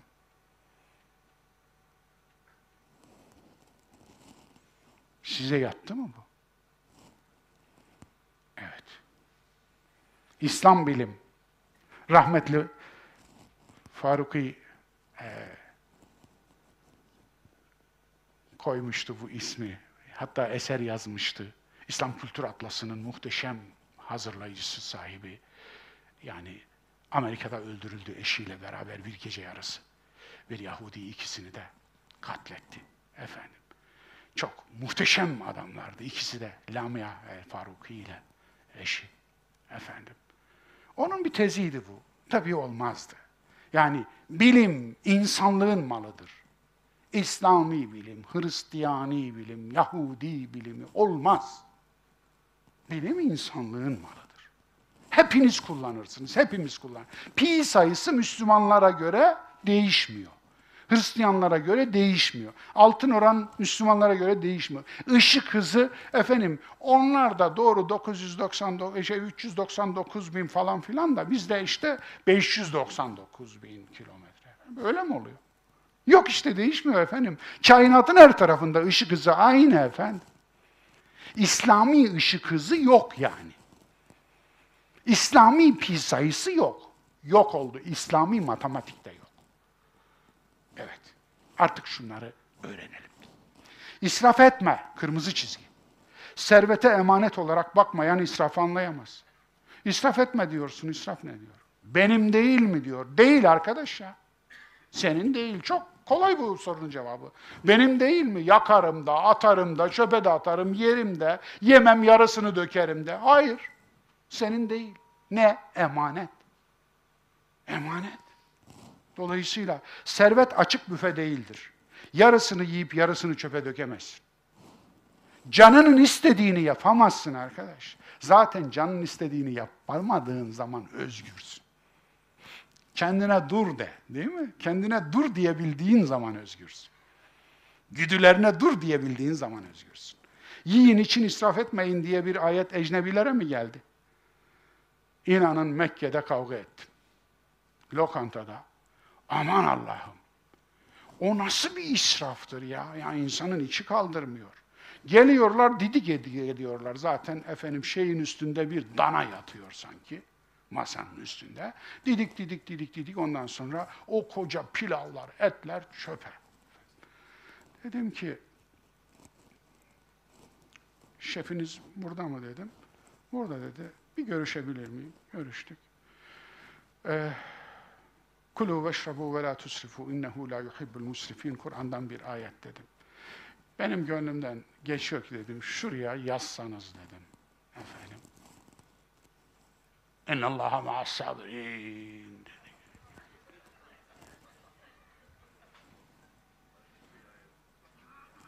Evet. Buyur. Buyur. Tavır bu. Tam da yakıştı yani. Evet. İnsan israfı, beyin israfı, kalite israfı, güneş israfı, inanç israfı. İnanç israfı nedir? Fazla inanmak. Evet ya, adam fazla inanıyor. Putu da var ya, Allah'a inanıyor, bir sürü de putara inanıyor. Anlatabiliyor muyum? Bir sürü de yanına koymuş yani. Evet, israf, israf deyince sadece ekmek vermesin. Evet, yine kırmızı çizgi, savurganlık ve gösteriş yasağı. Şark mı, sirk mi diye sormuşum. Gösteri toplumu, gösteri dini, gösterişçi dindarlık. Evet, işte Maun suresini bir daha okuyun. Ya, gösteri yapıyorlar diyor, gösteri. Onlar salat etmiyorlar, gösteri yapıyorlar. Yeryüzünde böbürlenerek yürüme. Ve la temşi fil ardı. Sen yeri delemezsin diyor. Yeryüzünde böbürlenerek yürüme arkadaş. Eyvah. Tabii böbürlenerek yürüme, yani skolyoz olmamak için dik yürümek manasına falan gelmiyor. Yani dik yürüme. Yani ne oldu? İki biklim yürü falan. Skolyoz ol demiyor yani. Anlatabiliyor muyum? Bu onu demiyor. Bunun onunla alakası yok. Yani kemiklerini dik tut. Bir de skolyoz olma. Seninle uğraşmayalım bir de. Ama bu bübü böbürlenmeme, kibirlenme diyor. Tepeden bakma diyor. İnsanları böcek gibi görme diyor vesaire vesaire vesaire. Ayranı yok içmeye, gerisini diyecek kadar deli değilim. Tamam onu ge- geçtik. Doğru yürüdü de zongurdaması kaldı bizim Kayserilerin. Hatta Devel'de meşhurdur bu laf. Zongurdama ne demek bilmiyorum. Böyle böyle böyle böyle, böyle yapma sanırım efendim. Yani bu nasıl bir şey biliyor musunuz? Doğru dürüst ormanlarınıza bakmayı beceremiyorsunuz. Yolun kenarlarındaki betonların üstünü çiçek kaplıyorsunuz. İşte zongurdama bu. Anlatabiliyor muyum? Sayın gitsin memleketteki zongurdamaların sayısını. Yangın söndürecek uçağınız yok İsveç'ten sırf hava olsun diye birini atıp efendim ambulans uçakla Türkiye'ye taşıyorsunuz. Zongurdama bu işte. Anlatabiliyor muyum? Daha 50 tane sayarsınız. Evet. Süslümanlık diye bir din ve Süslümanlar. Önce videoyu izleyelim. Biraz da tebessüm edelim.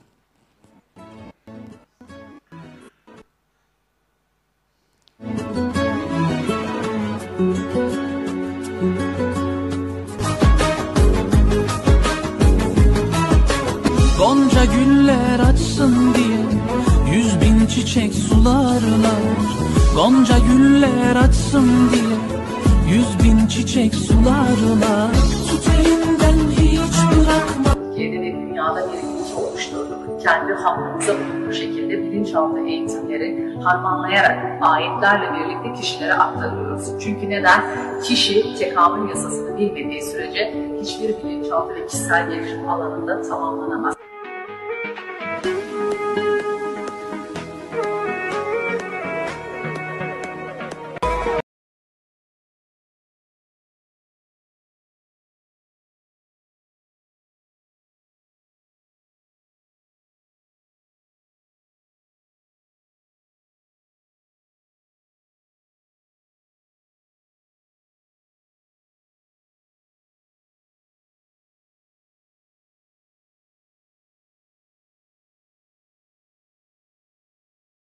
بحس براحة بال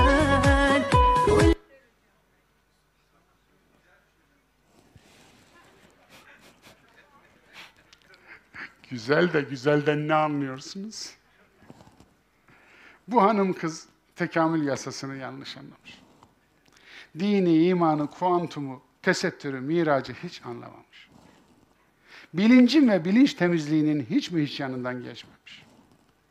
Bu değerli kızımız, biri bunun gibilere takva libası en hayırlı elbisedir ayetini bir öğretmeli. Bir öğretmeli. Kur'an'ın ölüler kitabına çevrilişine ses çıkarmadınız. Okunmuş Yasinlere, üfürükçülere, cincilere ses çıkarmadınız. Kur'an'a Viagra muamelesi çeken cukkalılara ses çıkarmadınız. Allah ile pazarlık yapan rivayetlerine itiraz etmediniz. Şimdi Kur'an'ın metalaştırılmasının son versiyonuyla buluştunuz. Hayırlı uykular ey kavmi. Uyuşturucunuz mübarek olsun. Birbirinizin malını haksız yere yemeyin. Bir kırmızı çizgi daha. وَلَا تَأْكُلُوا اَمْوَالَكُمْ بَيْنَكُمْ بِالْبَاطِلِ Aranızda birbirinizin malını batıl yere, haksız yere yemeyin. Daha ne desin? Buna tefsir mi gerekir Allah aşkına? Bakara 188. Marx işleyecektim. İnşallah gelecekte bir yere kalsın. Yani ekonomiden bahsedilir de Marx'tan bahsedilmez mi Hazreti Marx'tan? Şimdi o kalsın efendim. Vahşi kapitalizmden bahsedecektim. Homo homini lüfus. Serbest piyasa değil, serkeş piyasa. Altta kalanın canı çıksın. Güç ve servet tanrıdır. Bunları ele geçiren tanrıyı satın alır vesaire. Geçelim. Evet. Paylaş. İşte bir kırmızı çizgi daha. Paylaş, bölüş, dayanışma içinde ol. İnfak, zekat, sadaka hepsi paylaşmakla alakalı. Yoksulluğu yok edin. Refah toplumunu hedefleyin. Fakirlik adam olsaydı öldürürdüm diyor Ömer İbni Hattab, ikinci halife. Fakirlik adam olsaydı öldürürdüm. Yoksullara yardım et, kahraman olursun. Bu yoksulluk niye var diye sorgula, vatan haini olursun. Nasıl bir şey? Ya yoksullara yardım edince niye alkışlıyorlar da? Bu yoksulluk niye var arkadaş deyince niye vatan haini oluyoruz? Evet. Siz yardım edilmiş yoksullar istiyorsunuz, biz ise kaldırılmış yoksulluk istiyoruz diyen düşünüre de selam olsun. Kur'an'ın ekonomik liste, ilkesi, ilkeye geldik. Çok önemli. Key la yekune duleten beynel agniyai minkum. Servet bir zümrenin elinde devlete dönüşmesin. Nasıl buldunuz ilkeyi? Haşr suresinde. Evet, ilkeye bakar mısınız? Dünyada bu ilkeye hayır diyecek ehli vicdan bir tane insan çıkar mı? Ateist olsun, Hristiyan olsun, Yahudi olsun, Budist olsun, ne olursa olsun. Servet belli bir zümrenin elinde devlete dönüşmesin diyor. Bir vicdan çıkar mı? Hayır diyecek. Alın Kur'an'ın mucizevi insanlıkla ilgili ilkeleri. Eyvallah. İnsan için emeğinden başkası yoktur. Bu ilke de öyle. Ve elleyse lil insani illa ma Emeğinden başkası yoktur. Emeği kutsayan bir Kur'an var.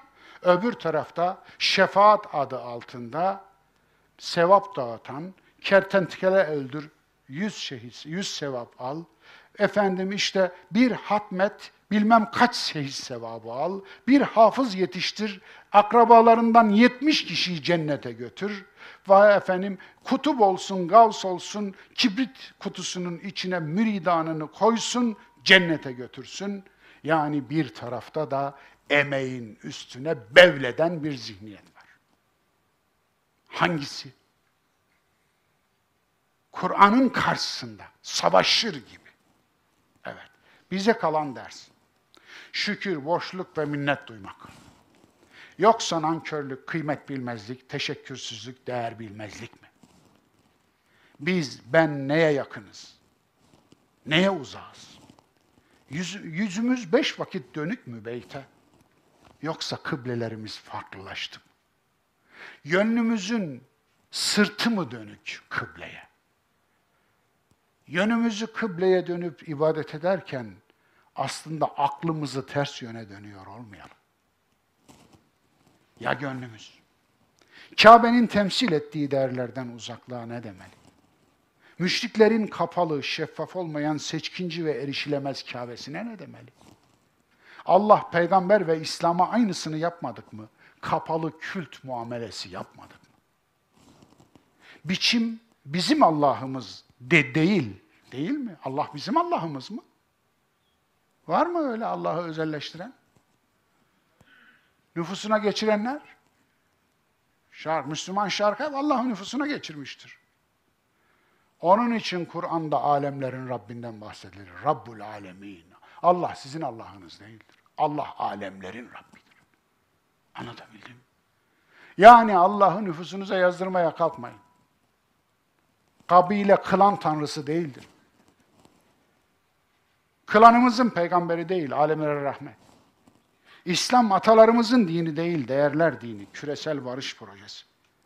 Muhammed Nebi'nin mesajı açık. Biriktirmeyin, çalmayın, hak yemeyin, rantçı olmayın. Yolsuzluk yapmayın, hile yapmayın, sömürmeyin, mala çökmeyin, karunlaşmayın. Paylaşın, üretin, emek verin, yoksulluk, kölelik, sefaletle mücadele edin. Doğru dürüst olun, emeğe saygılı olun. Daha ne desin Allah aşkına söyler misiniz? Daha ne desin? Kula kul olmayın, güce tapmayın, serveti devlete dönüştürmeyin. O Kabe'deki putları yıktı. Fakat Kabe'yi put yıkan peygamberi, Kabe'yi put yaptık. Put yıkan peygamberi putlaştırdık. Onu gönderen Allah'ı put edindik. Ne diyorsunuz? Yetinmedik. Mezhepleri, partileri din edindik. Şeyhleri, imamları, alimleri, hocaları, liderleri put edindik. Yazdıkları kitapları paralel Kur'an edindik.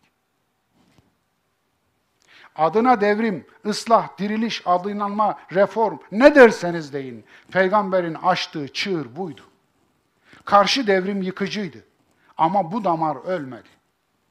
Bu destanın devamı yazılmalı değil mi dostlar? Bu destanın devamında biz de rol alsak iyi olmaz mı dostlar? Bu yolda bir ayak izi de biz bıraksak iyi olmaz mı dostlar? Yola yatmasak, yolu satmasak, yol üzerine nutuk alma, atmasak ama yolda yolcu olsak iyi olmaz mı dostlar? Kula kul olmayan ve kulu kul etmeyen bu yol. Özgür, eşitlikçi, emeğe saygı duyan, paylaşımcı, üretken bir insan tipi hedefleyen bu yol. Akıl, irade, vicdan, aktif vicdan, hayır diyebilen bireylerin sürü olmayı reddedip şahsiyet olduğu bir toplum oluşturmak hayal değil. Yoksa hayal mi? Farklılıklarını zenginlik bilen, bilim, keşif ve kaliteye değer veren, ahlak, adalet, erdem, ortak akıl ve insan onurunu el üstünde tutan bir toplum rüya değil dostlar. Mümkün adalete, özgürlüğe, insan gibi yaşamaya, refaha, huzur ve mutluluğa o kadar susadık. O kadar susadık. O kadar susadık. Bayramınız şimdiden kutlu olsun. Mutlu olsun. Ömrünüz Ramazan, ahiretiniz bayram olsun. 15 Mayıs'ta tekrar buluşmak üzere. Önümüzdeki ders ders yok. Çünkü Arife gününe rast geliyor. Arife günü herkes meşguldür. Onun için dersi iptal ettik. İnşallah bir sonraki 14 gün sonraki 15 Mayıs'ta sizlerle tekrar yeni bir Siretül Kur'an, Kur'an'ın hayat yürüyüşü dersinde buluşmak üzere. Hepinizi Allah'a emanet ediyorum. Ramazanlarınız tekrar kutlu, mübarek olsun. Bayramınız tekrar mübarek olsun. Rabbim ömrümüzü Ramazan, ahiretimizi ebedi bayram etsin. Allah'a emanet olun.